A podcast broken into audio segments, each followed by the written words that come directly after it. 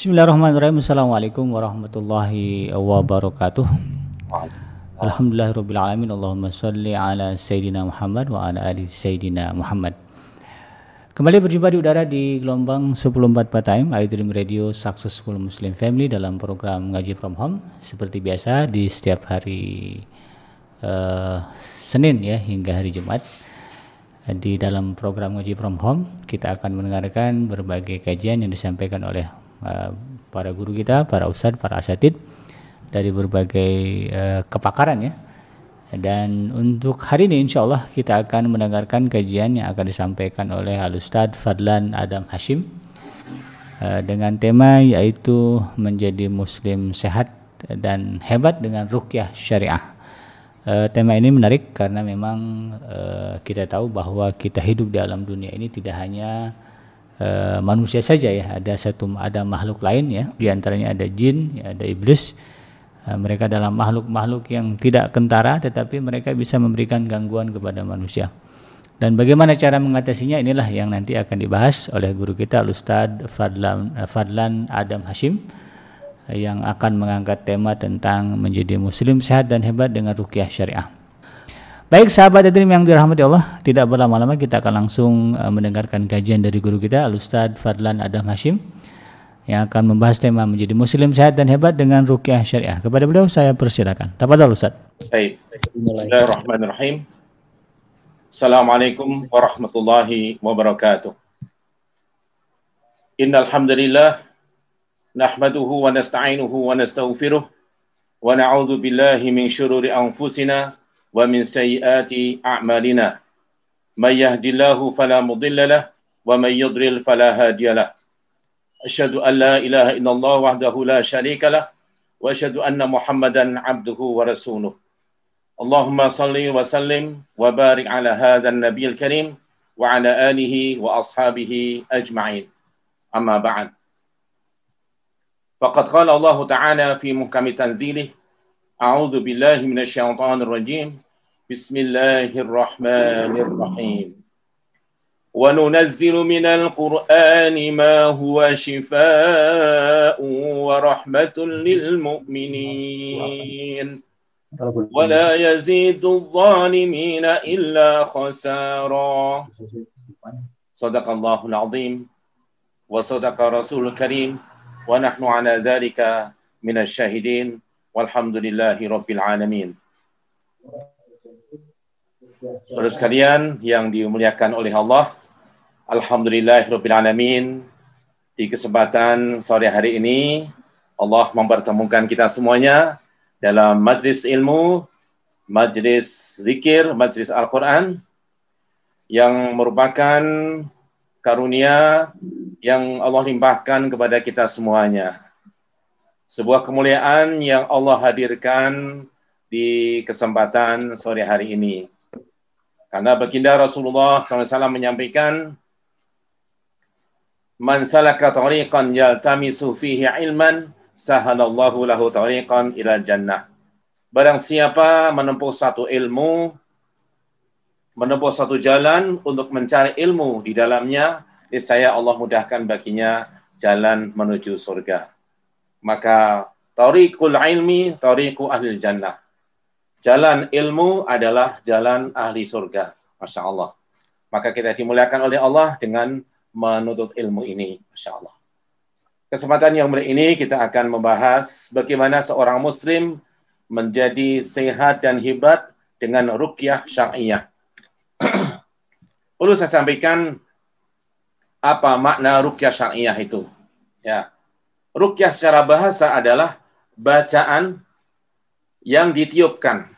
Jadi misalnya saya membaca ya, baca Al-Fatihah kemudian ditiupkan maka ini sudah merupakan rukyah.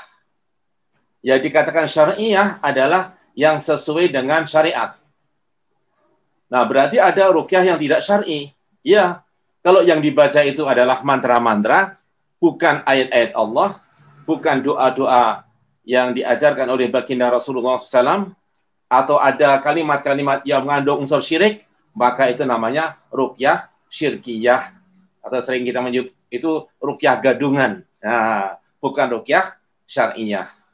Dan sekarang banyak ketika rukyah syariah itu menyebar dan booming di berbagai macam eh, daerah, maka muncullah para perukyah gadungan.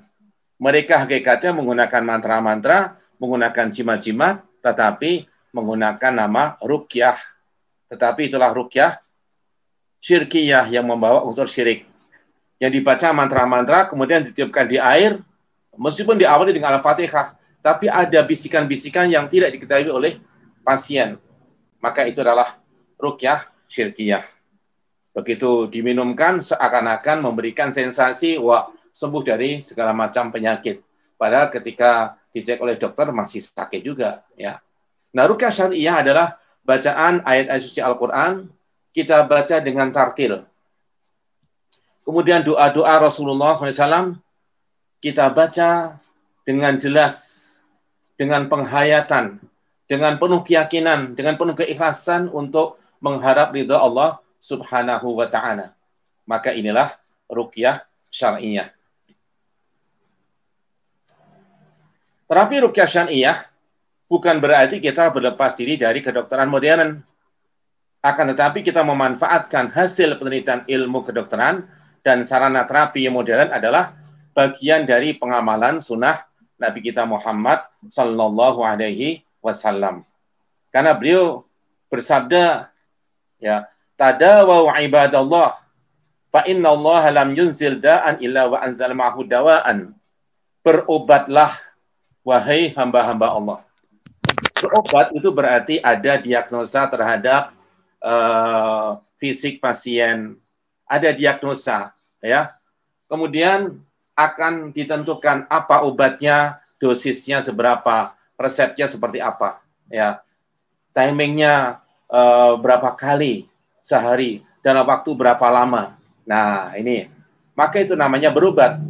Jadi ada proses diagnosa, ada proses kemudian pemberian resep dan dalam batas-batas tertentu setiap orang yang kondisinya berat tubuhnya berbeda, maka tentu saja resepnya akan berbeda. Masya Allah. Ya, ini. Apalagi kalau dokter anak itu bayi ditimbang itu ya. Ketika pertama ditimbang masih pakai pempes, waduh, harus dilepas pempesnya karena udah pipis nih. Uh, akhirnya kemudian dilepas pempesnya. Itu ya. Ternyata timbangnya berkurang dua on misalnya karena pempesnya yang dua on. Karena nanti akan menentukan resepnya, masya Allah. Itulah yang namanya berobat. Berobatlah wahai hamba-hamba Allah Ya, sesungguhnya Allah tidaklah menurunkan suatu penyakit kecuali Allah menurunkan bersamanya dawaan suatu obat. Ya, masya Allah. Allah menyembuhkan segala macam penyakit, ya, dengan izinnya. Tetapi kita berikhtiar untuk mendapatkan pengobatan, mengobat uh, terapi yang sesuai dengan syariat Allah. Perintah Nabi SAW sangat jelas, ya mendorong kita untuk menggunakan segala sarana terapi yang diperbolehkan, yang dimungkinkan, yang dihalalkan. Karena jangan sampai kita uh, terapi dengan cara yang diharamkan, ya. Karena Allah tidak akan menurunkan penyakit, eh, tidak menurunkan pengobatan atau menurunkan obat pada hal-hal yang diharamkan oleh Allah Subhanahu wa taala. Dan Nabi bersabda, "Al-hikmatu dhalatul mu'min." anna wajadaha fahuwa ahakun nasi biha. Ilmu pengetahuan adalah barang yang harus dicari-cari oleh seorang mukmin. Ya, semacam uh, sesuatu yang hilang kalau itu nggak dicari-cari, ya. Maka harus kita cari. Anna wajadaha di mana pun dia mendapatinya, maka dialah orang yang paling berhak untuk memilikinya. Masya Allah ilmu kedokteran ini tentu saja sangat bagus untuk kita miliki. Tetapi tidak semua kita memiliki kesempatan dan juga memang uh, Allah batasi ya syarat-syaratnya. Maka saya pernah ketemu seorang dokter yang belajar rukyah kepada saya, Pak Ustadz, kelebihannya seorang dokter itu bisa jadi Ustadz, bisa jadi perukyah. Tetapi kekurangannya Ustadz itu nggak bisa jadi dokter, Nah, ini uh, ini kelebihan dokter, Pak. Pak Ustadz. Oh, ya betul juga itu. Saya nggak mungkin akan jadi dokter, ya. pernah suatu saat saya gigi saya itu ngilu sekali itu. Wah, itu ya. Saya sudah saya rukyah, saya bekam, saya pijat refleksi, wah, minum herbal yang saya ketahui semuanya ternyata belum memberikan uh, pengaruh kesembuhan. Masya Allah. Akhirnya saya ke dokter gigi diperiksa, gitu ya. Kemudian hanya dikasih obat ngilu. Nah, selesai obat ngilunya uh, habis ya sudah ngilu lagi. Saya periksa ke dokter yang lain, saya ingin dapat second opinion ya. Maka ternyata di rumah sakit haji di Pondok Gede, saya menemukan uh, pengobatan di sana. Apa obatnya? Ini Bapak setelah diperiksa gigi saya itu, ternyata itu gusinya bagian atas itu kedorong ke atas, gusi bagian bawah kedorong ke bawah. Ini Bapak karena menggunakan sikat gigi yang terlalu keras. Oh gitu, sehingga lapisan emailnya itu terkikis. Ini yang menyebabkan ngilu. Terus bagaimana solusinya, dokter? Uh, Bapak gunakan sikat gigi yang lembut. Oh, masya Allah kemudian gunakan pasta gigi yang eh, apa itu sensitif gitu ya supaya tidak apa eh, memberikan pengaruh ngilu pada gigi akhirnya menggunakan sikat gigi yang lembut selesai masya Allah sekarang udah nggak ngilu-ngilu lagi kumur-kumur udah nggak ngilu masya inilah ilmu. Al hikmatu dhalatul mu'min. Saya tidak bisa mendapatinya tetapi saya bisa memanfaatkan ilmu seorang ahli gigi tersebut. Masya Allah. Nggak perlu saya masuk kuliah uh, apa uh, kedokteran gigi ya dan nggak mungkin gitu ya. Nah terapi rukyah syariah sebagaimana saya sampaikan tadi ayatnya. Wa nunazzilu minal qur'ani ma huwa shifaa'un wa rahmatun lil mu'minin wa la yazidu zalimina illa khasara. Dan kami Allah turunkan Al-Qur'an sesuatu yang menjadi syifa penawar sebagai kesembuhan, warahmah dan kasih sayang Allah bagi orang-orang yang beriman. Wala yazidul zalimina illa khasara. Sedangkan bagi orang-orang yang zalim, Al-Quran hanya akan menambah kerugian. Syarat kita untuk mendapatkan dua bagian yaitu syifa dan rahmah ini, maka kita harus beriman dan meninggalkan berbagai macam kezaliman-kezaliman bertaubat kepada Allah Subhanahu wa taala. Ya. Dengan kita bertaubat kepada Allah, kita kembali kepada kebenaran, kembali kepada Al-Qur'an, maka ada pintu kesembuhan yang Allah buka sekaligus pintu rahmat Allah Subhanahu wa taala. Rahmat Allah begitu luas. Bisa berupa diringankannya kita untuk beribadah kepada Allah. Diringankan kita untuk mencari ilmu, dimudahkannya kita untuk belajar Al-Quran. Masya Allah. Banyak saudara kita yang berat untuk menyelesaikan skripsinya karena setiap kali uh, membuka buku, mempersiapkan skripsinya, langsung ngantuk tertidur. Terus berkali-kali begitu. Bahkan sampai di perpustakaan UGM, dia tertidur sampai perpustakaannya mau tutup. Sampai dibangunkan sama petugasnya. Mas sudah mau tutup nih mas. Oh kaget ya. Akhirnya setelah saya rukyah, itu ya, Allah berikan kemudahan, masya Allah. Semangat ibadahnya tinggi, banyak berzikir kepada Allah, sehingga dalam waktu tiga bulan dia bisa menyelesaikan skripsinya di uh, Fakultas uh, Teknik Kimia, masya Allah. Ya. Apakah ada hubungannya skripsi dengan rukyah?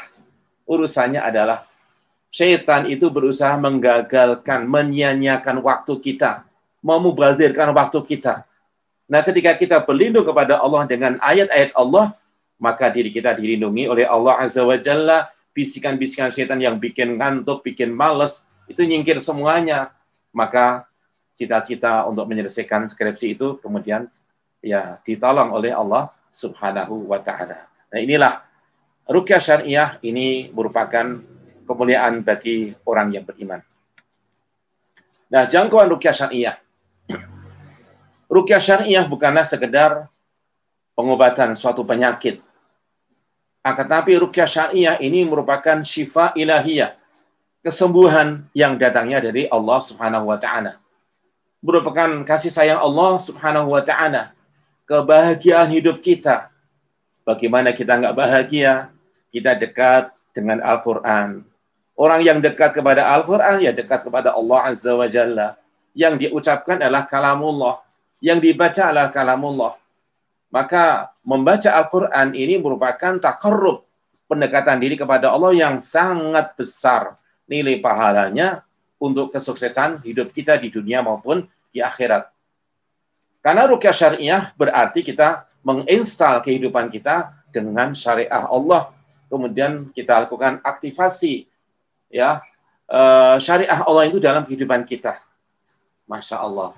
Kita terapkan Al-Quran itu dalam kehidupan kita sehari-hari. Maka seorang mukmin akan menjadi sehat, menjadi hebat, ya, ketika dia benar-benar banyak bermuamalah dengan Al-Quranul Karim. Maka ingin saya tegaskan bahwa rukyah syariah ini bukan berarti kita bermuamalah dengan jin. No, tidak. Ya. Rukyah syariah berarti kita banyak bermuamalah dengan Al-Quranul Karim. Banyak menghafalkan ayat-ayat Al-Quranul Karim. Banyak mengulang-ulang hafalan kita. Masya Allah. Ya. Maka inilah rukyah syariah. Ya. Maka ada kasus-kasus misalnya yang berat, sihir, gitu ya ya saya ajak untuk membaca Al-Baqarah. Saya bacakan Al-Baqarah full dari awal sampai akhir. Masya Allah. Allah berikan kesembuhan. Kemudian untuk pembentengan diri, keluarga semuanya membaca Al-Baqarah. Ya ternyata kalau baca sendiri nggak sanggup, ya udah bagi-bagi. Akhirnya Al-Baqarah bagi tiga. Masya Allah. Bapak, ibu, sama anaknya yang kena gangguan. Ya, jadi Allah akhirnya memberikan kesembuhan lewat suratul Baqarah tersebut. Ibnu Qayyim al-Jauziyah mengatakan bahwa Al-Quran adalah kesembuhan semua penyakit, baik psikis maupun fisik. Kesembuhan di dunia maupun di akhirat. Tetapi tidak semua orang diberi kemudahan dan kesiapan untuk sembuh dengan Al-Quranul Karim.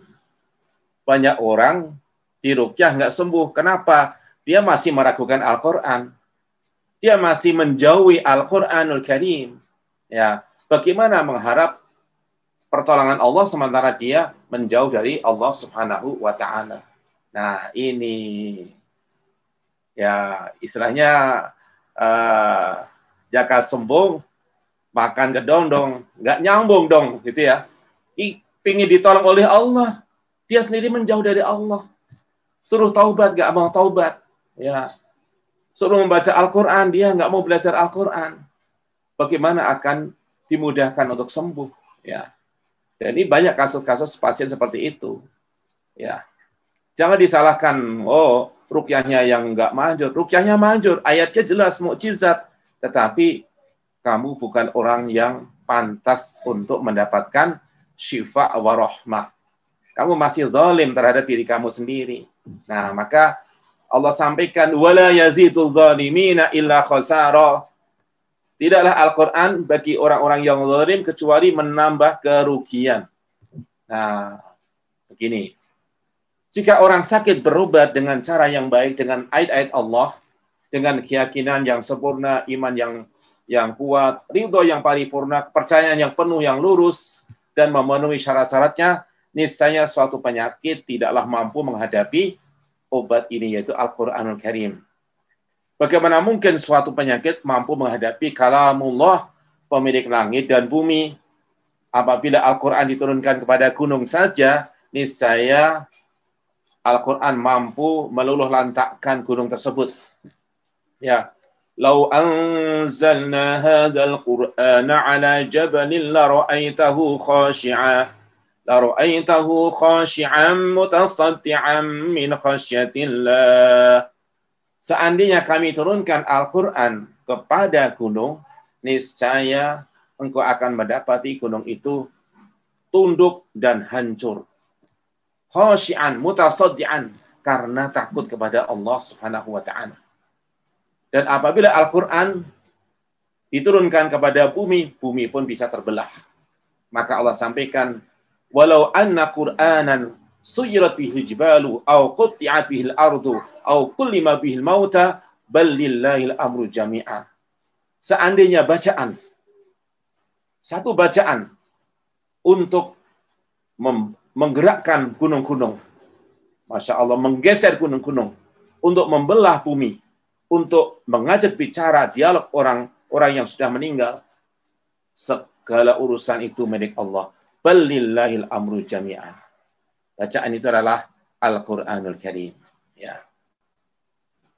Maka Allah turunkan Al-Quran ini bukan kepada gunung, bukan kepada bumi, tetapi Allah turunkan kepada Nabi kita Muhammad sallallahu alaihi wasallam orang yang memang dimuliakan hatinya siap menerima Al-Qur'anul Karim. Allah sampaikan ya nazala bihi ruhul amin. Al-Qur'an dibawa turun oleh malaikat yang terpercaya ala qalbika kepada hatimu, kalbumu, wahai Muhammad, litakuna minal mungzirin, agar engkau menjadi pemberi peringatan. Masya Allah. Tiada satupun penyakit, baik psikis maupun fisik, kecuali Al-Quran telah menunjukkan cara pengobatan dan sebab-sebab penyembuhannya. Masya Allah. Ya. Kita tahu ayat tentang khomer dan tentang perjudian. Kepada siapa ayat-ayat tentang khomer dan perjudian diturunkan? kepada para sahabat yang masyarakat Madinah pada waktu itu masih hobi minum minuman keras. Punya stok minuman keras yang banyak. Ya, Masya Allah. Diturunkan secara bertahap. Nah, inilah bagaimana proses Al-Quranul Karim menunjukkan cara pengobatan penyakit masyarakat ataupun pekat gitu ya, penyakit masyarakat. Hubungannya kan perjudian itu ya. Eh, mabuk-mabukan pasti juga perzinaan. Masya Allah. Ini. Maka inilah Allah azza wa jalla menurunkan ayat-ayat tersebut di kalangan sahabat yang masih menjalankan seperti itu. Karena memang belum ada larangan. Masya Allah nah akhirnya Allah berikan solusinya termasuk juga sebab-sebab penyembuhannya semuanya Allah selesaikan. Masya Allah. Saya ingin menyampaikan satu kasus saja ya.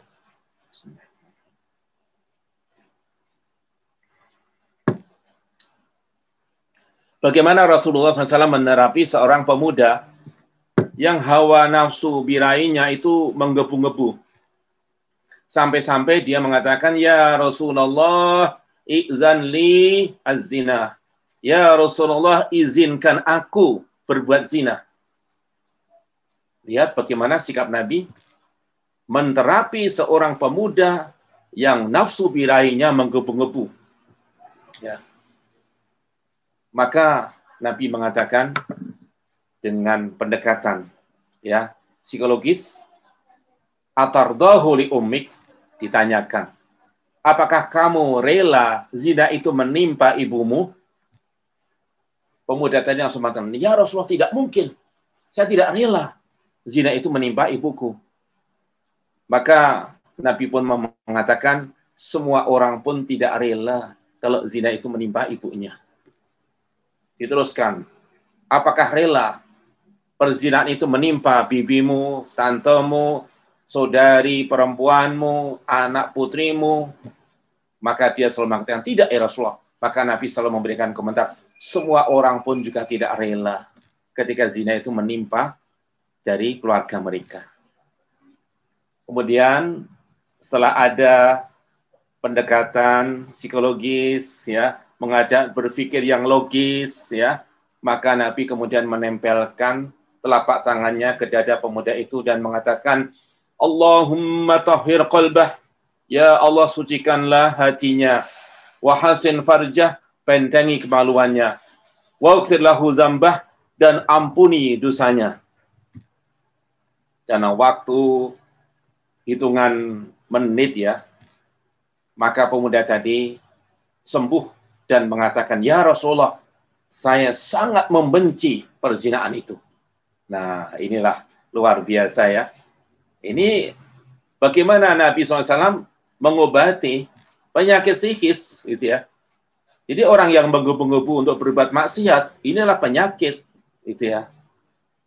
Maka terapinya dikaitkan dengan masalah nilai-nilai keimanan, perasaan-perasaan keimanan yang dikuatkan dalam dada. dimotivasi keimanannya, dan kemudian dirukyah dengan doa. Masya Allah. Nah, inilah kedahsyatan rukyah syariah yang dilakukan oleh baginda Rasulullah SAW dengan menempelkan tangan kanannya ke dada pemuda tersebut. Ya. Nah, orang yang tidak yakin sembuh dengan Al-Quran tidak akan disembuhkan oleh Allah. Nggak yakin bahwa hukum ini menyelesaikan masalah, maka tidak akan Allah selesaikan permasalahannya. Orang yang tidak mencukupkan diri dengan Al-Quran, maka tidak akan pernah Allah cukupkan. Ya. Kalau kita merasa cukup dengan bimbingan Al-Quran, ya sudah, Masya Allah. Tentu saja Al-Quran dan As-Sunnah, karena Sunnah itu menjelaskan Al-Quran. Masya Allah.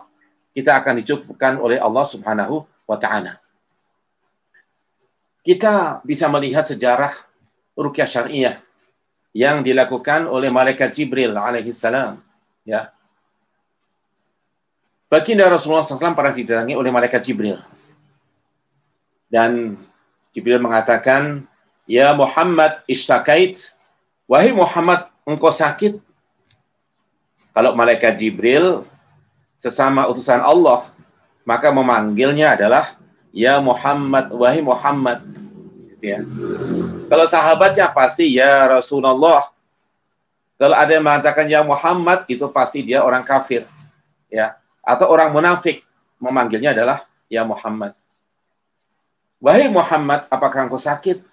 Maka dia mengatakan, ya, saya sakit. Kemudian malaikat Jibril kemudian membacakan rukyah. Bismillahi arqika min kulli syai'in yu'dhika min syari kulli nafsin aw ainin hasid Allah yashfik. Bismillahi arqika. Dalam teks hadis yang lain, Bismillahi arqika min kulli da'in yu'dzika wa min syarri hasidin idza hasad wa min syarri kulli dhi'ain Allah yashfik. Ya, teksnya berbeda. Tapi hadisnya adalah sahih. Ya. Nah, ini rukyah tingkat tinggi. Utusan Allah yang ada di muka bumi dirukyah oleh utusan Allah dari langit, malaikat Jibril alaihissalam. Al-Amin dari langit merukyah Al-Amin yang ada di muka bumi. Ini merupakan rukyah tingkat tinggi. Masya Allah luar biasa. Kemudian baginda Rasulullah SAW pernah juga sakit dirukyah oleh istri beliau. Kekasih Allah dirukyah oleh kekasihnya dari manusia. Istri beliau, ibunda kita Aisyah radhiyallahu anha. Dia sendiri yang mengatakan, "Kuntu arqi Rasulullah sallallahu alaihi wasallam." Aku pernah merukyah Rasulullah sallallahu alaihi wasallam jadi merukyah ini amalan yang istimewa. Oleh Nabi juga diajarkan kepada istri beliau sehingga istri beliau bisa merukyah. Dari mana istri beliau bisa merukyah? Pasti mendapatkan bimbingan dan pendidikan rukyah dari baginda Rasulullah Sallallahu Alaihi Wasallam. Maka aku letakkan tanganku di dada beliau tangan kanan ibunda Aisyah diletakkan pada dada Rasulullah SAW. Kemudian aku katakan, imshil ba'sa rabban nas biatika syifa la kashifa lahu illa ant. Hapuskanlah penyakit wahai penguasa manusia. Di tanganmu lah kesembuhan. Tidak ada yang bisa menyingkirkan penyakit kecuali engkau ya Allah. Ya, Masya Allah. Allah pun memberikan kesembuhan bagi baginda Rasulullah Sallallahu Alaihi Wasallam ketika dirukyah oleh istri beliau. Kemudian masalah yang penting yang sering dipertanyakan, gitu ya. Bolehkah kita minta rukyah? Minta dirukyah, mencarikan perukyah, ataupun meminta agar si fulan dirukyah oleh si fulan. Ya. Ada yang mengatakan, wah jangan minta rukyah, nanti jatah masuk surga tanpa hisab, tanpa azab ditutup, dihapus oleh Allah. Siapa bilang gitu ya? Itu hanya kesimpulan yang sangat dangkal dari sebuah hadis yang panjang dan masih banyak hadis yang lain. Perhatikan ibunda kita Aisyah radhiyallahu anha pernah mengatakan bahwa baginda Rasulullah SAW memerintahkan aku untuk minta rukyah dari ain, dari pengaruh pandangan mata. Ya, Maka ini merupakan bagian ya dari dalil ataupun uh, hadis yang mengizinkan bagi kita semuanya untuk minta dirukyah ataupun minta agar saudara kita dirukyah oleh orang yang memang bisa merukyah dengan baik. Ya, ini. Dan masih banyak lagi hadis-hadis yang lain, ya mungkin uh, puluhan hadis tentang rukyah syariah ini ya. Masya Allah. Nah, keistimewaan rukyah syariah.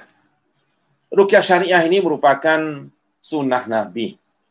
Maka ketika kita mempelajari rukyah syariah berarti kita menghidupkan sunnah Rasulullah SAW yang hampir mati. Ya, maka mungkin di era tahun 90-an awal rukyah belum begitu dikenal, gitu ya. Uh, saya mulai merukyah itu banyak pasien berdatangan itu 94, pulang ke Jogja 95, semakin banyak itu. Tahun 2000 mulai banyak, semakin banyak. 2002 booming sampai uh, saya dan teman-teman bikin majalah majalah goib ya tentang rukyah syariah. Ya. Kita hidupkan sunnah Nabi dan puluhan kitab bahkan ratusan kitab ditulis oleh para ulama saat ini tentang rukyah syariah. Guru besar saya yaitu Syekh Abdul Bara ya Usama bin Yasin Al-Ma'ani dari Yordania dia juga uh, menulis 14 jilid ya kitab tentang rukyah syariah. Dikenalnya sebagai Al-Mawsu'ah Asy-Syar'iyyah fi ilmi ruqa. Ensiklopedia syar'i dalam ilmu rukyah. 14 jilid tebal-tebal ya. Dan masih ratusan kitab yang lain yang ditulis oleh para ulama saat ini. Nah, rukyah sebagai terapi utama bagi orang yang terkena gangguan jin atau mengusir gangguan jin di rumahnya, tempat usahanya, kendaraannya dan sebagai pelindungan terhadap dirinya, termasuk juga terkena serangan sihir. Ini diterapi dengan rukyah syariah. Rumah yang sering muncul apa suara yang aneh-aneh, aroma yang aneh-aneh, ya penampakan yang aneh-aneh, atau muncul gerakan yang aneh-aneh, ya TV hidup sendiri tanpa ada yang mencet remote-nya misalnya, lampu mati sendiri dan sebagainya.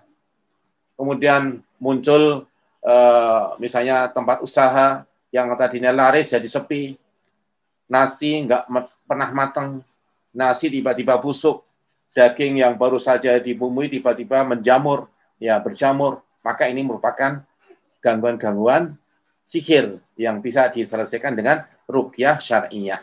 Karena nggak tampak, kita baca Al-Quran Karim yang jelas bacaannya, itu ya. Maka gangguannya akan nyingkir, ya begitu. Maka Nabi mengatakan, Iqra'ul Baqarah, bacalah surah Al-Baqarah. Fa inna akhdaha barakah, karena membaca Al-Baqarah mengambil Al-Baqarah sebagai bacaan itu adalah keberkahan. Watarkaha hasrah meninggalkannya sebagai penyesalan, kesengsaraan. Wala tastati'uhal batalah dan tukang-tukang sihir tidak sanggup menghadapi surah Al-Baqarah. Banyak kasus sihir kita baca Al-Baqarah, sihirnya hancur. Ya. Bahkan tukang sihirnya juga Allah hancurkan. Semestinya kita nggak tahu. Tapi berita-berita ternyata menyebar di kalangan masyarakat. Ya, pada hari yang sama ketika si, si Fulan menyelesaikan Al-Baqarah, sihirnya hancur, tukang sihirnya juga berakhir itu ya, hancur juga. Itu Allah yang mengurus, bukan kita. Bukan kita melawan tukang sihir, tapi kita memohon kepada Allah Azza wa Jalla. Rukyah adalah ibadah yang besar sekali pahalanya dan keutamaannya dan tinggi derajatnya di sisi Allah Ta'ala, maka ia lebih cepat terkabulkannya, meskipun tidak harus seketika, sesuai dengan kesiapan yang diterapi dan yang melakukan terapi. Ya. Bagaimana nggak besar pahalanya? Kita membaca Al-Quran, per hurufnya pahalanya 10 kebaikan. Maka Nabi mengatakan, Man qara'a harfan min kitabillahi falahu hasanah wal hasanatu bi asyri amsalihah Barang siapa yang membaca satu huruf dari kitab Allah, maka baginya satu kebajikan. Satu kebajikan Allah lipatkan 10 kali lipat. La aqulu alif lam mim harf. Aku tidak menganggap alif lam mim satu huruf. Walakin alifun harf, walamun harf, wa mimun harf. Tetapi alif satu huruf, lam satu huruf, mim satu huruf. Jadi ketika kita membaca alif lam mim kita sudah membaca tiga huruf. Berarti 30 kebaikan. Masya Allah. Nabi memberikan contoh dengan alif lam mim. Semua ulama mengatakan Allahu a'lamu bi muradihi. Allah yang lebih tahu tentang maksudnya dengan ayat ini. Masya Allah. Artinya apa? Kita membaca Al-Quran belum tahu maknanya, itu sudah dapat kebaikan, dapat pahalanya. Buktinya Alif Lamin juga nggak ada orang yang tahu maknanya. Dan Nabi menjelaskan dapat pahala 30. Satu kebaikan dilipatkan 10 kali lipat. Masya Allah. Ya, derajatnya tinggi. Bagaimana membaca Al-Quran itu tak korup kepada Allah yang sangat istimewa. Ya, maka saya katakan banyak merukyah berarti banyak membaca Al-Quran, bukan bermuamalah dengan jin. Saya tiap hari merukyah belum tentu saya bicara sama jin, itu ya. Dan jarang jin yang ngomong, tapi Allah memberikan kesembuhan tanpa harus dialog dengan jin, itu ya. Kalau terjadi dialog, itu meskipun itu jarang, itu ya maka saya katakan bertobatlah kepada Allah dan masuklah ke dalam agama Allah, bersyahadat dan keluar, selesai. Ya. Ya itulah kemudahan kita di dalam merukyah syariah ini. Rukyah dan doa adalah sebagai bukti pengaduan hamba yang lemah kepada Allah yang maha kuat, maha perkasa. Inilah hakikat pengabdian. Iyyaka na'budu wa iyyaka nasta'in. Hanya kepada Engkau ya Allah kami mengabdi dan hanya kepada Engkau ya Allah kami mohon pertolongan ya. Allah mudahkan ya. Rukyah bagi orang yang terbebas dari gangguan jin atau serangan sihir adalah sebagai sarana penguat benteng keimanan, sebagai perisai diri, dan sebagai refreshing rohani. Masya Allah.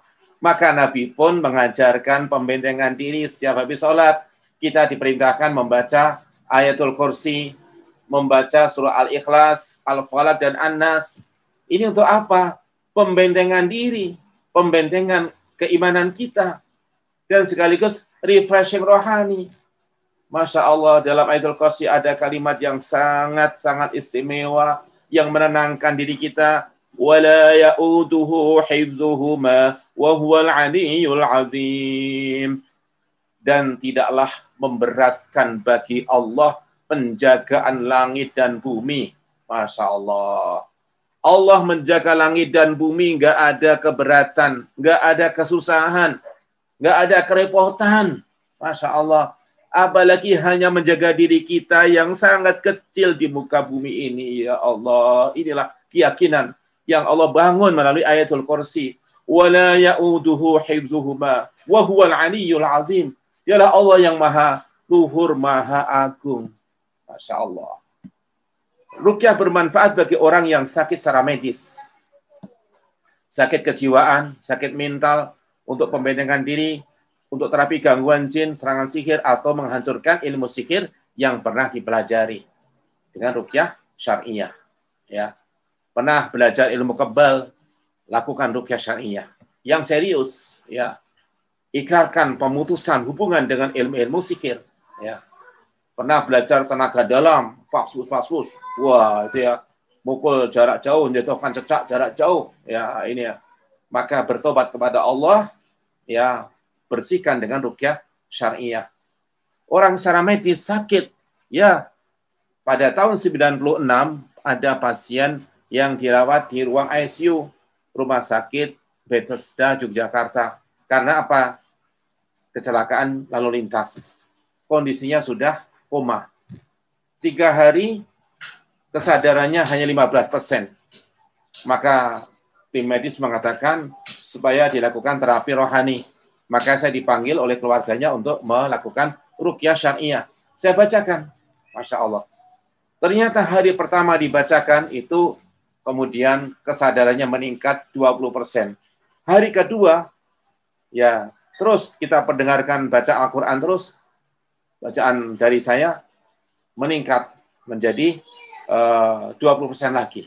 Terus meningkat 20% sampai akhirnya satu pekan sembuh dengan izin Allah dan kesadarannya sadar sepenuhnya. Dan Alhamdulillah sampai sekarang orangnya masih hidup, kembali mengajar. Masya Allah. Ya, ini contoh orang yang sakit medis, ya, termasuk eh, tekanan kejiwaan, stres, ya, depresi, penyakit mental, itu ya. Ini orang yang suka berzina, suka apa itu mencuri, kita rukyah syariah dengan sungguh-sungguh kita arahkan untuk menguatkan keimanannya. Imannya kuat, penyakit mentalnya akan berakhir. Ya, terkikis. Kaidahnya adalah Innal hasanati yudhibnas sayyiat. Sesungguhnya kebaikan-kebaikan itu akan mengikis habis keburukan-keburukan. Orang sakit mental karena dia menimbun dosa-dosa yang mengotori jiwanya. Ketika dibersihkan jiwanya, berangsur-angsur bersih, maka akan kembali normal. Nah, ini logikanya begitu. Ya. Meskipun tidak seketika, ya.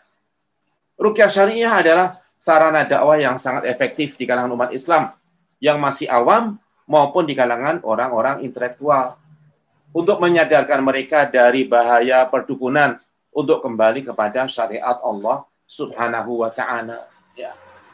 Di masyarakat awam ini kisah nyata seorang pedagang sayur keliling kampung-kampung gitu ya, naik sepeda motor. Ada anak gadis kesurupan maka dia langsung, udah jangan bawa ke dukun, karena mau dibawa ke dukun itu. Gimana? Ya udah saya bacakan rukyah aja. Memang ibu bisa, insya Allah bisa. Dia berwudu, ambil air, ya satu gelas, bacakan al-fatihah, ayatul kursi, ikhlas falak anas, tiupkan, terus minum, Bismillah. Allah sembuhkan, masya Allah.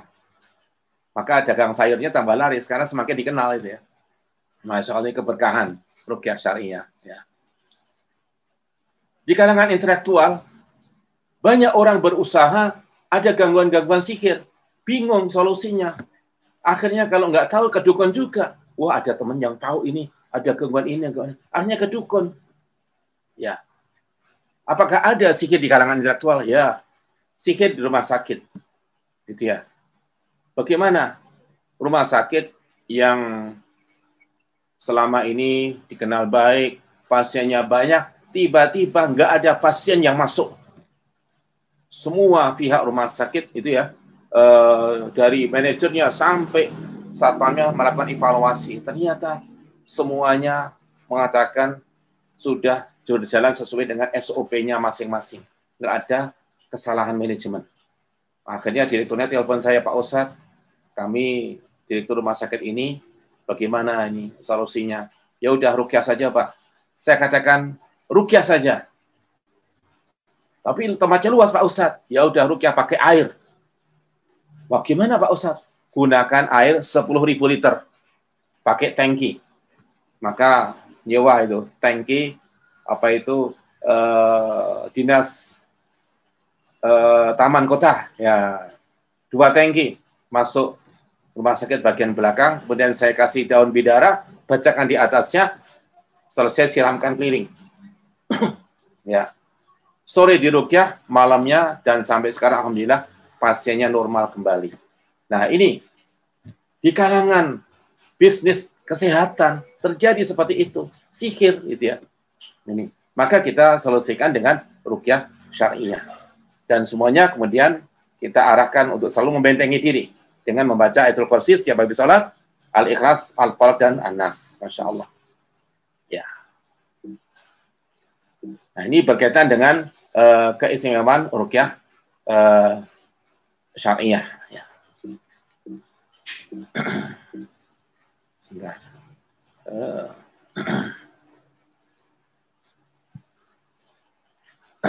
Sebentar, saya uh, ambilkan slide yang satu lagi.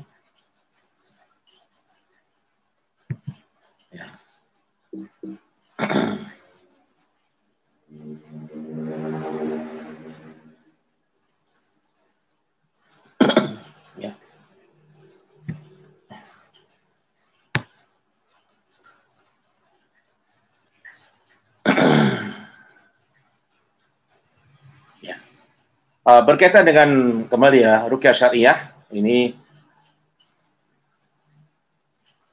apa syarat-syarat mu'arij ataupun praktisi rukyah uh, syariah ya. ya. Syarat yang pertama adalah uh, muslim berakidah al-sunnah wal jamaah dalam pemahaman dan pengamalan ya. Meyakini bahwa ayat-ayat Al-Qur'an sebagai mukjizat abadi dan sebagai obat bagi manusia. Mengenal tipu daya setan dalam tubuh manusia. Ya, tergantung di dirukyahnya. Kalau yang dirukyah tempat ya mengenal tipu daya setan di dalam uh, lokasi yang berkaitan dengan uh, gangguan-gangguan setan, gitu ya. Meninggalkan maksiat dan memperbanyak taat sebagai senjata untuk melawan setan. Ya. Selalu berzikir kepada Allah setiap saat memurnikan niat untuk mencari ridha Allah Subhanahu wa taala. Ya. Nah, pengaruh rukyah terhadap pasien dan mu'alij. Yang pertama, datangnya perlindungan Allah Ta'ala dari godaan setan. Lebih cepat diberi kesembuhan dari Allah meskipun tidak harus seketika. Lebih tenang dan sabar dalam menghadapi musibah sakit. Masya Allah, setelah dirukyah, memang belum sembuh, tetapi lebih sabar, lebih tenang, lebih tough dalam menghadapi kondisi sakit yang berat.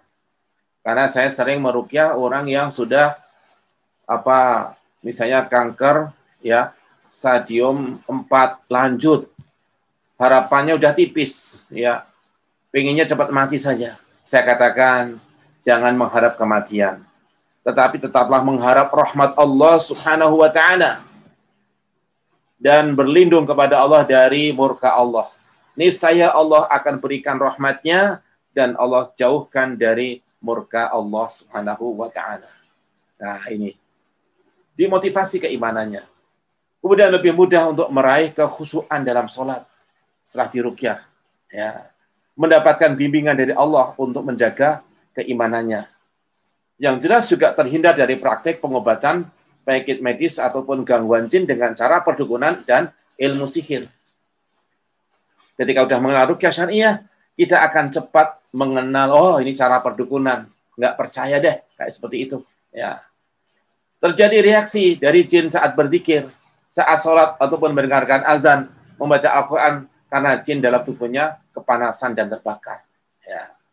Ini biasanya saat ini apa ada gangguan jin, sudah mulai dirukyah, wah membaca Al-Quran mulai gerak-gerak, berarti di leher, tekan titik leher, ya.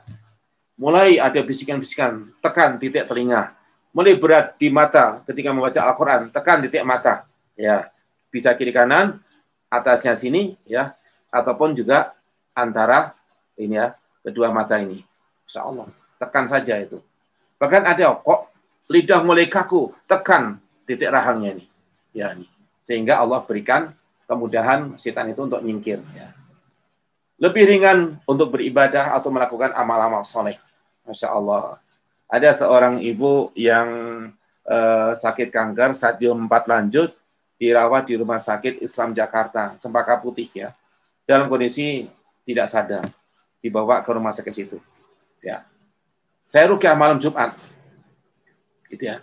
Kemudian, Masya Allah, uh, malam dia bangun. Sadar, Masya Allah. Kemudian pagi harinya, dia bisa berkomunikasi dengan keluarganya di Jogja. Masya Allah, telepon.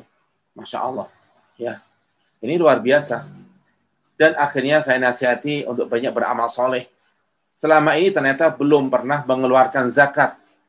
Maka dari total kekayaannya yang tidak pernah dikeluarkan zakat ini cukup keluarkan dua setengah persen saya bilang itu. Nah, dia kekayaannya waktu itu satu miliar ya udah dua setengah persennya, 25 juta ya, masya Allah. Keluarkan zakatnya 25 juta, masya Allah. Diringankan untuk beribadah, untuk berinfak ya. Semakin kuat iman dan keyakinannya terhadap kekuasaan Allah. Akhirnya Allah panggil dia sampai detik-detik kematiannya dia masih mengucapkan kalimat La ilaha illallah. Masih dibimbing untuk sholat, masih connect tanpa ada hilang kesadaran. Ya, itu detik terakhir dia masih mengucapkan la ilaha illallah kemudian dipanggil oleh Allah Subhanahu wa taala. Masya Allah, luar biasa. Ya. Nah, persiapan-persiapan sebelum rukyah, nah ini bertobat kepada Allah dari segala ya dosa, dosa syirik, yang pernah baca mantra-mantra, percaya dengan informasi-informasi dukun, tobat kepada Allah, jimat-jimat bakar semuanya, dosa-dosa bid'ah, ya pernah uh, misalnya melakukan puasa-puasa yang tidak sesuai dengan syariat Allah, puasa pati geni, puasa apa itu uh, ngebleng dan sebagainya, beribadah di kuburan, menyembelih uh, di menyembelih binatang di kuburan dan sebagainya. Bertobat kepada Allah Azza wa Jalla. Termasuk juga mempercayai khurafat, putuskan hubungan dengan ilmu-ilmu yang sifatnya khurafat. Termasuk dosa-dosa hawa nafsu, zina, lesbi, homo, bertobat kepada Allah Azza wa Jalla. Nah, ini banyak kasus seperti orang yang suka berzina, suka hubungan ini lesbi ataupun homo. Saya katakan Allah melaknat orang yang melakukan seperti itu. Anda pasti tidak bahagia. Betul Pak Ustaz. Hidup saya rasanya sengsara. Pengennya bunuh diri. Pengennya menutupi kemaksiatan dengan kemaksiatan. Sengsara banget itu. Karena Anda berada di zona laknat Allah. Maka segera keluar dari zona laknat menuju zona rahmat dengan bertaubat kepada Allah. Hijrah secara sihis. ya Keyakinan berubah. Keimanan berubah. Ya, akhlak berubah, tekad berubah. Ya. Akhirnya kemudian Allah berikan ya pintu ya hidayah dan Allah berikan kesembuhan. Dan yang melakukan ini ya bukan orang biasa, dia adalah seorang dokter yang kuliah S2, masya Allah, mengambil spesialis anak, gitu ya. Maka bukan orang sembarangan. Akhirnya dia juga memutus mata rantai hubungan-hubungan dengan apa komunitasnya seperti itu. Alhamdulillah alamin Allah berikan kesempatan untuk bertobat kepada Allah Subhanahu wa taala. Ya. Menghancurkan patung-patung ataupun ya jimat-jimat yang pernah dirawat di rumah ya. Ini selesaikan gitu. Membaca ayat-ayat perlindungan, ayatul kursi, al-ikhlas, falak anas setelah sholat, lima waktu dan memperbanyak zikir dengan kalimat thayyibah setiap saat. Spontanitas kita berzikir kepada Allah karena komunik komunikasi kita kepada Allah lancar, maka Allah pun selalu menjaga kita. Nabi SAW menyampaikan, Ihfadillah yafalka.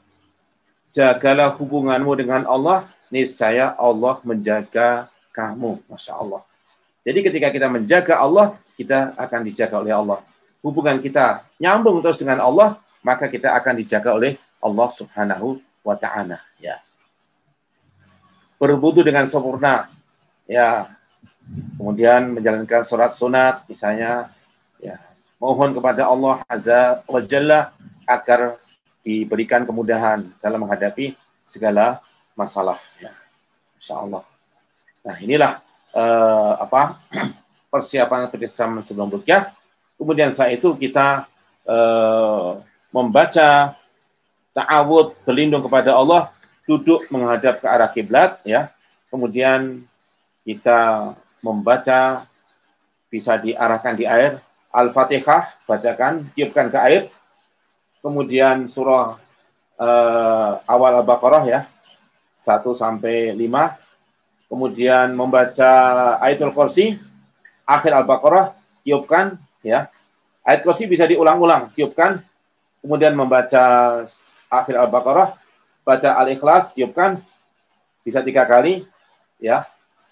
Al-Falak tiga kali, Anas tiga kali, tiupkan, kemudian mohon kepada Allah, Ya Allah, sembuhkanlah penyakit saya. Ya Allah, bersihkanlah diri saya dari segala macam gangguan setan. Baik setan yang dikirimkan ataupun setan yang merasuk dalam tubuh saya. Ya Allah, sembuhkanlah saya. Lindungilah saya dari pengaruh kejahatan mereka. Tiupkan, bismillah diminum. Ya. Insya Allah. Allah subhanahu wa ta'ala akan memberikan kesembuhan ya kepada kita dari segala macam gangguan yang selama ini dirasakan dalam tubuh kita. Masya Allah. Nah inilah yang bisa kita pelajari pada kesempatan yang mulia ini berkaitan dengan uh, rukyah syariah. Bagaimana seorang muslim menjadi sehat dan hebat dengan rukyah syariah. Ya. Ketika kita terus berkomunikasi dengan Al-Qur'an, dekat kepada Al-Qur'an, Allah akan memuliakan diri kita, ya. Kenapa? Jaminan Nabi. Innallaha la yarfa'u bihadzal kitabi. Sesungguhnya Allah akan mengangkat dengan kitab ini akwaman, bangsa-bangsa. Yaitu dengan Al-Quran, kita akan diangkat oleh Allah. Wa bihi akharin, dan Allah akan merendahkan dengan Al-Quran pula bangsa-bangsa yang lain yang menghinakan Al-Quran akan dihinakan oleh Allah. Memuliakan Al-Quran akan dimuliakan oleh Allah Subhanahu wa Ta'ala. Masya Allah. Demikian apa yang saya sampaikan. Mudah-mudahan Allah Azza wa Jalla meridhai pertemuan kita pada sore hari ini dan memberkahi ilmu yang kita pelajari bersama. Aku qouli hadza wa astaghfirullah wa lakum wa li sa'iril mu'minina wal mu'minat fastaghfiruh innahu huwal ghafurur rahim wa qur rabbighfir warham wa anta khairur rahimin. Wassalamualaikum warahmatullahi wabarakatuh. Waalaikumsalam warahmatullahi wabarakatuh. Saya ucapkan uh, jazakumullah khair Ustaz atas segala uraian yang telah disampaikan uh, barusan tadi. Mudah-mudahan bisa difahami oleh segenap sahabat iDream di mana pun berada dan mudah-mudahan bisa dicoba begitu ya. Baik Ustaz, ada waktu kurang lebih 15 menit untuk uh, sesi tanya jawab. Sambil menunggu jamaah bertanya di uh, sore hari ini, saya awali dulu Ustaz ya pertanyaan-pertanyaannya. Uh, pertanyaan begini Ustaz terkait dengan cara merukyah tadi sendiri gitu kan seperti antum contohkan membaca ayat Quran uh, kemudian ditiupkan ke dalam air. Ini boleh diterangkan Ustaz uh, dalilnya apakah ini pendapat ulama atau dari hadis Rasulullah SAW Oh ya baginda Rasulullah SAW pernah uh, membacakan rukyah ya di air dan ditiupkan, kemudian diperintahkan untuk minum ataupun untuk dituangkan kepada pasien sahabat yang terkena gangguan.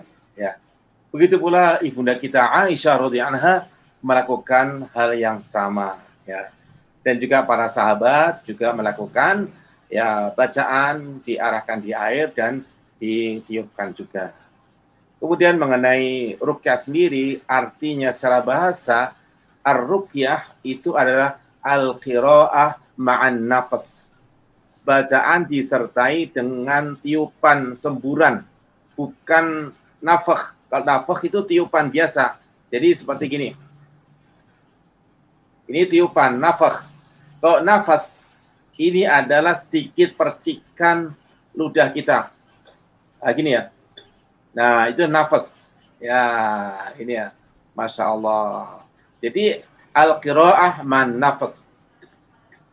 Ya, jadi kalau bahasa kita sekarang mungkin rukyah versi droplet. Nah, ya.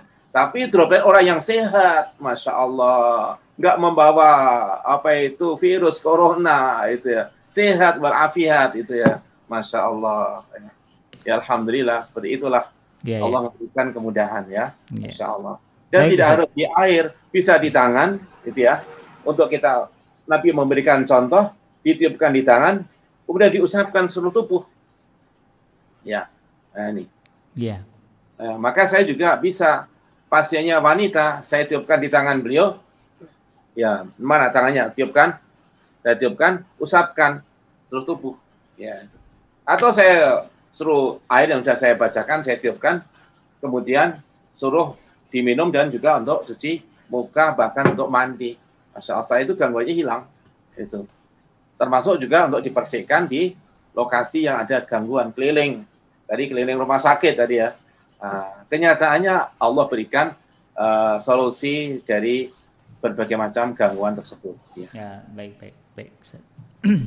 Jadi uh, sebagaimana saya jelaskan tadi, uh, ada dalilnya ya bahwa ya dalilnya dan juga para ulama itu membolehkan ya. Iya baik baik baik Ustaz.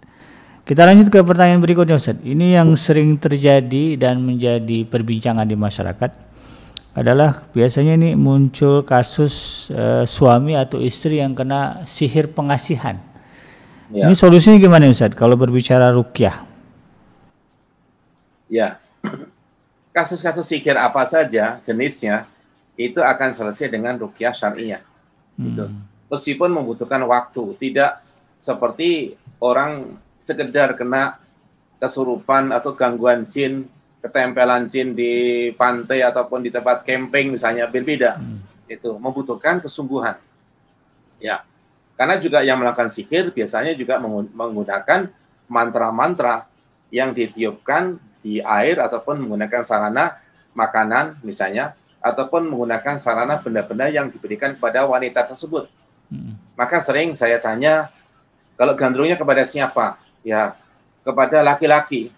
Saya tanya, pernah nggak laki-laki itu memberikan sesuatu kepada ibu misalnya? Diingat-ingat. Tapi setelah saya rukyah, kalau belum rukyah, enggak, nggak pernah ngasih. Gitu. Uh, begitu selesai di rukyah, oh ya pernah ngasih. Apa? Mekena. Itu. Masya Allah. Saran sikirnya adalah mukena. Ah, dikasih, oh udah ambil begitu mukena itu diambil itu ya jinnya reaksi itu jangan jangan dibakar. Saya terbakar nanti. Ya udah uh, kesempatan sekalian saya bakar aja.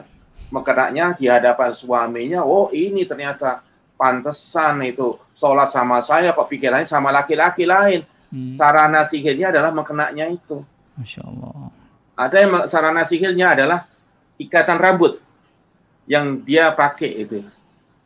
Dia pakai ikatan rambut di depan suaminya, pikirannya sama laki-laki itu. Ya. Hmm. Maka saya cek apa pemberiannya, dirukyah dulu. Kalau belum dirukyah, itu setannya juga menutupi hatinya, menutupi pikirannya, ya. Maka mulutnya juga tidak berbicara dengan baik.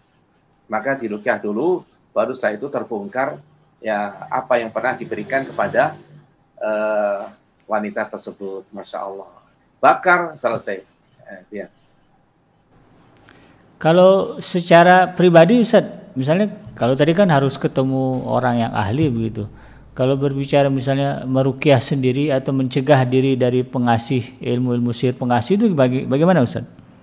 Ya kalau dia bisa membaca ayatul kursi, hmm. pembentengan diri dengan ikhlas, falak anas, kemudian setiap habis subuh membaca tahlil akbar yaitu La ilaha illallah wahdahu la syarikalah lahul mulku wa lahul hamdu yuhyi wa yumit wa huwa ala kulli syai'in qadir. Baca itu 100 kali atau sampai sebanyak-banyaknya. Ya, insya Allah pengaruh setannya juga akan melemah. Ya, hmm. cuman masalahnya kalau orang yang terkena sihir rata-rata sholat saja juga terganggu, Susah, ya. apalagi zikir. Ya, artinya butuh orang lain yang membantu dia supaya nanti bisa melakukan ya rukyah mandiri. Ya. Oh, baik. Jadi rata-rata pasien saya rukyah dulu dengan saya, setelah itu rukyah mandiri. Kalau rukyah mandiri belum bisa, ulangi lagi rukyahnya. Hmm. Ya, sampai bisa melakukan rukyah mandiri. Setelah ya. nggak ada gangguan rukyah mandiri enteng itu ya. Untuk pembentengan diri semakin bagus ya. Itu. Baik. Ada kasus misalnya gimana Pak Ustadz mau membaca Al-Qur'an, ketika membuka Al-Qur'an itu ya, itu tertutup Al-Quran itu. Yang dilihat adalah kotoran. Itu. Kotoran manusia. Ada lalat, ada belatung. Ya, dia nggak bisa membaca. Itu ya. Nah, seperti itu. Baik mushaf Al-Quran yang cetakan itu ya, ya, maupun yang menggunakan HP sama itu. Ya, itu. Ya. Kalau hafalan enggak, tapi kan hafalannya sangat ini sedikit ya. Iya. Nah, itu. Baik, maka dibantu oleh orang lain. Ya. Jadi uh, amalan untuk mencegah uh, kena sihir pengasih itu tadi ayat kursi tadi falak anas sama uh, ya siap akbar ya. ya. Ya tahlil akbar tadi la ilaha illallah wahdahu la syarikalah hmm. lahul mulku wa lahul hamdu wa yumit wa huwa ala kulli syai'in qadir. Sebanyak-banyaknya. Sebanyak-banyaknya hmm. setiap habis subuh. Ya. Setiap ya. habis subuh. Iya. Bisa sampai terbit matahari kemudian sholat dua rakaat sholat syuruk ya Baik. Maka pahalanya seperti haji dan umroh. Ya, berzikir habis subuh sampai terbit fajar. terbit uh, matahari, ya. matahari ya. Baik Ustaz. Mudah-mudahan ini juga bisa difahami oleh segenap sahabat Dream. Pertanyaan berikutnya Ustaz, ini kalau anak misalnya eh, kecil gitu anak kecil masih balita, ya. kalau sering menangis di malam hari itu kira-kira gimana nih Ustaz? Ya, maka bisa juga dibentengi oleh kedua orang tuanya. Hmm. Bagaimana Nabi kita Muhammad SAW mengajarkan doa-doa pembentengan diri hmm. ya, untuk anak. Seperti misalnya U'iduka bi kalimatillahi tamah min kulli syaitanin wahamah wa min kulli ainin lamah. Jadi pegang umpun-umpunnya itu ya. Mau tidur pegang umpun-umpunnya bacakan ini. U'iduka bi kalimatillahi tamah min kulli syaitanin wahamah wa min kulli ainin lamah. Bacakan ayatul kursi, bacakan al-ikhlas, al-falaq dan an-nas, tiupkan di tangan, usapkan ke tubuh anak itu. Ya, hmm. itu ya. Kalau anak belum bisa membaca ya orang tuanya yang membacakan, kemudian diusapkan ke tubuh anak tersebut. Ya. Hey. Sebagaimana Ibunda Aisyah radhiyallahu pernah membacakan kalimat-kalimat itu yaitu Al-Ikhlas, Falak Anas ditiupkan di tangan Rasulullah SAW ketika beliau sedang sakit menjelang ajal beliau. Kemudian setelah ditiupkan, maka tangan beliau SAW diusapkan ke tubuh beliau oleh ibunda kita Aisyah radhiyallahu anha dibantu hmm. diusapkan itu. Baik. Ini dalam kondisi Nabi sudah apa boleh dikatakan sudah kondisinya sudah kritis gitu ya. Hmm. Nah ini Insya Allah. Baik baik. Ya, ini juga mudah-mudahan bisa dihafal doanya ya. Agak ya. panjang nih.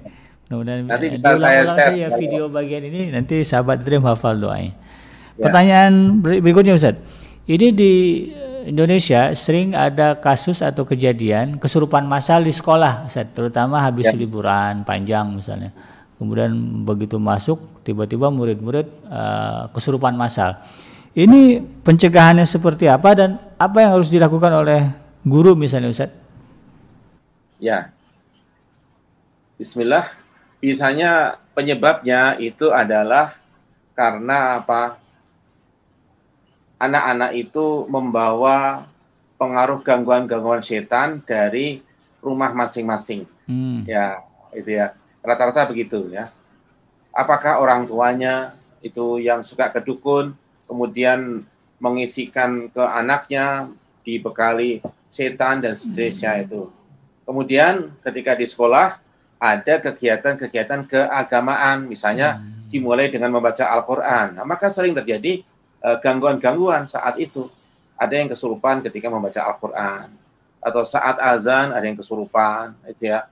Ataupun, tetapi sayangnya banyak yang kemudian manggil dukun. Maka hmm. dukun mengatakan, oh ini gara-gara ada yang kencing di belakang sekolah tuh. Hmm. Nah itu. Maka jin di belakang sekolah ngamuk katanya itu. Maka minta uh, syarat-syaratnya supaya dibikinkan sesaji dan sebagainya setelah dibikinkan tetap aja pada kesurupan massal itu.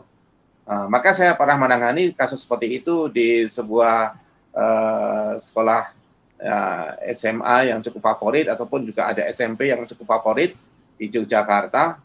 Saya kumpulkan semua siswanya itu ya di tempat terbuka ini ya. Kemudian saya kasih edukasi tentang rukyah syariah, membentengan diri. Nah, nanti setiap habis sholat membaca ayatul kursi, ikhlas falak anas. Kemudian saya ajai rukyah mandiri, bacakan di air. Nah, semuanya pegang air sebotol, bacakan. Itu Al-Fatihah, saya bimbing, ayatul kursi, ikhlas falak anas, tiupkan, minum. Masya Allah. Alhamdulillah setelah itu nggak ada terjadi kesurupan masa lagi. Selesai gitu ya. Karena apa? Masing-masing bisa membentengi diri. Gitu ya. Nah, kasus-kasus yang sering kesurupan itu dirukyah secara khusus hmm. dan kita cek keluarganya rata-rata keluarganya suka bangsa pergi ke dukun, oh. kelentik, kejawen, eh, itu bisa dipastikan begitu. Ya, bahkan ada yang orang tuanya memang dukun. Nah ini ketika ilmu anaknya itu mau dirukyah orang tuanya udah nggak usah dirukyah deh nanti ilmunya hilang. Nah ini nah, jelas itu Baik, di toko baik. yang sering terjadi kesurupan masa juga begitu. Di pabrik juga begitu. Hmm. Maka sampai saya pernah diundang rukyah masal di Cilengsi ya, uh, sebuah pabrik di sana, maka saya sampaikan nanti kalau seleksi penerimaan karyawan, tanya saja sholatnya gimana. Nah itu, ternyata boleh seperti itu. Kemudian apakah uh, pernah diberi jimat, dikasih pegangan untuk keamanan, untuk keselamatan, sebagainya itu. Ternyata dengan cara seperti itu, wah banyak yang mengaku iya dikasih nggak diterima itu ya. Atau diterima tetapi nanti dilepas di rukyah akhirnya ketika sadar ya udah. Daripada nggak dapat pekerjaan ya udah lepas saja jimatnya itu ya itu percaya dengan ayat-ayat Allah selesai begitu ya. baik baik Ustaz nah, ini juga mudah-mudahan jadi ilmu buat kita semua tentang terutama para guru ya atau juga mungkin para manajer uh, ya. di pabrik-pabrik ya sehingga iya, penting itu. tahu hal apa yang harus dilakukan atau mengundang siapa. Ah, ini ngomong-ngomong mengundang Ustaz. Uh, Ustadz Fadlan uh, Adam Hashim ini kan ketua Asosiasi Rukyah Syariah Indonesia. Ini kantornya di mana Ustaz? oh di ini uh, Cililitan yaitu dari PGC itu ke arah Jalan Raya Bogor itu cuma 100 meter nanti kanan jalan Oh, ada klik aja Rumah Rukyah Indonesia. Oh, Rumah Rumah Rukyah Indonesia, RRI. Oh. Rumah Rukyah Indonesia. Nanti akan uh, muncul dan bisa dilihat Google Map-nya. Ya. Ustadz ada di situ juga? Oh, saya di Yogyakarta. Jauh. di situ ada teman-teman saya. Oh, gitu. Uh, saya sebagai ketua Dewan Syuro Asosiasi Rukyah Syariah Indonesia. Hmm. di situ ada ketua umum uh, Asosiasi Rukyah Syariah Indonesia Ustadz Ahmad Junaidi. Ya, hmm. maka bisa berkomunikasi dengan Ustadz Ahmad Junaidi ataupun juga Ustadz-Ustadz yang lain di situ, Insya Allah. Kalau untuk sekedar konsultasi nih jamaah sama antum Ustadz Fadlan Adam Hashim ada oh, yang bisa, bisa dihubungi bisa. nomor ya. kontaknya? Ya. nah, nomor kontak saya 0813 2574 1721 ya. 0813 2574 1721. Alhamdulillah ini uh, penting ya. ya. Jadi bagi Anda sahabat Edrib yang punya pertanyaan atau ingin menghubungi Al Ustadz Fadlan uh, Adam Hashim ya. untuk uh, bertanya atau konsultasi terkait dengan berbagai persoalan yang ada kaitannya dengan rukyah Eh, bisa langsung bertanya ke beliau di nomor 0813 2574 1721. Mudah-mudahan ini uh, ada solusi dari uh, beliau ya. Baik Ustaz, uh, mungkin uh, waktu kita sudah habis jadi tidak bisa ya, kita lanjutkan lagi. Namun sebelum kita tutup uh, kita ingin mendengarkan dulu closing statement dari antum. Silakan Ustaz.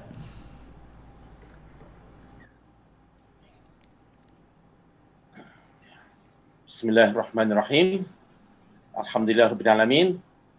Kita sudah bisa mempelajari bersama-sama tentang menjadi muslim sehat dan hebat dengan rukyah syariah. Saya sampaikan satu ayat dari Allah Azza wa Jalla. الذين آمنوا ولم يلبسوا إيمانهم بظلم أولئك لهم الأمن وهم مهتدون orang-orang yang beriman dan tidak mencampuri iman mereka dengan kemusyrikan, maka bagi mereka jaminan keamanan dan jaminan hidayah. Allah sampaikan ayat ini pada ayat uh, surah Al-An'am ayat 82. Setelah Allah menyampaikan kisah perjuangan Nabi Allah Ibrahim berhadapan dengan kaumnya seorang diri, resiko dakwahnya ditanggung sendiri, ternyata Allah memberikan keselamatan kepada Nabi Allah Ibrahim di saat dia dilemparkan ke dalam api oleh Raja Namrud dan membakar selama 45 hari, 45 malam. Ternyata detik-detik itu, hari-hari itu, satu setengah bulan beliau di kubaran api itu merasakan kesejukan dan kedamaian. Masya Allah. Ya. Inilah karena keimanan Nabi Ibrahim dan dijamin setiap orang yang beriman juga demikian ketika tidak mencampuri iman mereka dengan kemusyrikan dijamin aman dan juga diberi jaminan hidayah oleh Allah Subhanahu wa taala. Siapa yang ingin jaminan aman dan hidayah, dua jaminan yang istimewa ini, jaga kesucian iman kita. Kalau iman terkotorkan, maka jaminan ini cabut oleh Allah, dihilangkan oleh Allah. Ya. Wal. Demikian jazakumullah khairan katsira dan saya mohon maaf atas segala kekhilafan saya. Wal. Wassalamualaikum warahmatullahi wabarakatuh. Waalaikumsalam warahmatullahi wabarakatuh. Sekali lagi jazakumullah khair Ustadz uh, Fadlan Adam Hashim atas segala materi yang sudah disampaikan. Mudah-mudahan bisa difahami oleh segenap sahabat Adrim dan mudah-mudahan ini menjadi amal jariah bagi antum. Baik sahabat Adrim yang dirahmati Allah di mana pun anda berada, tuntas sudah kebersamaan kita di petang hari ini dalam program ngaji from home edisi hari Senin uh, petang tanggal uh, 5 Jumadil akhir tahun 1442 Hijriah atau bertepatan dengan tanggal 18 Januari tahun 2021. Saya BKJ berserta kru yang bertugas pamit undur dari ruang dengar Anda. Mohon maaf atas segala kehilafan dan kekurangan. Subhanaka Allahumma rabbana wa bihamdika asyhadu an la ilaha illa anta astaghfiruka wa atubu ilaik. Walhamdulillahirabbil alamin. Wassalamualaikum warahmatullahi wabarakatuh.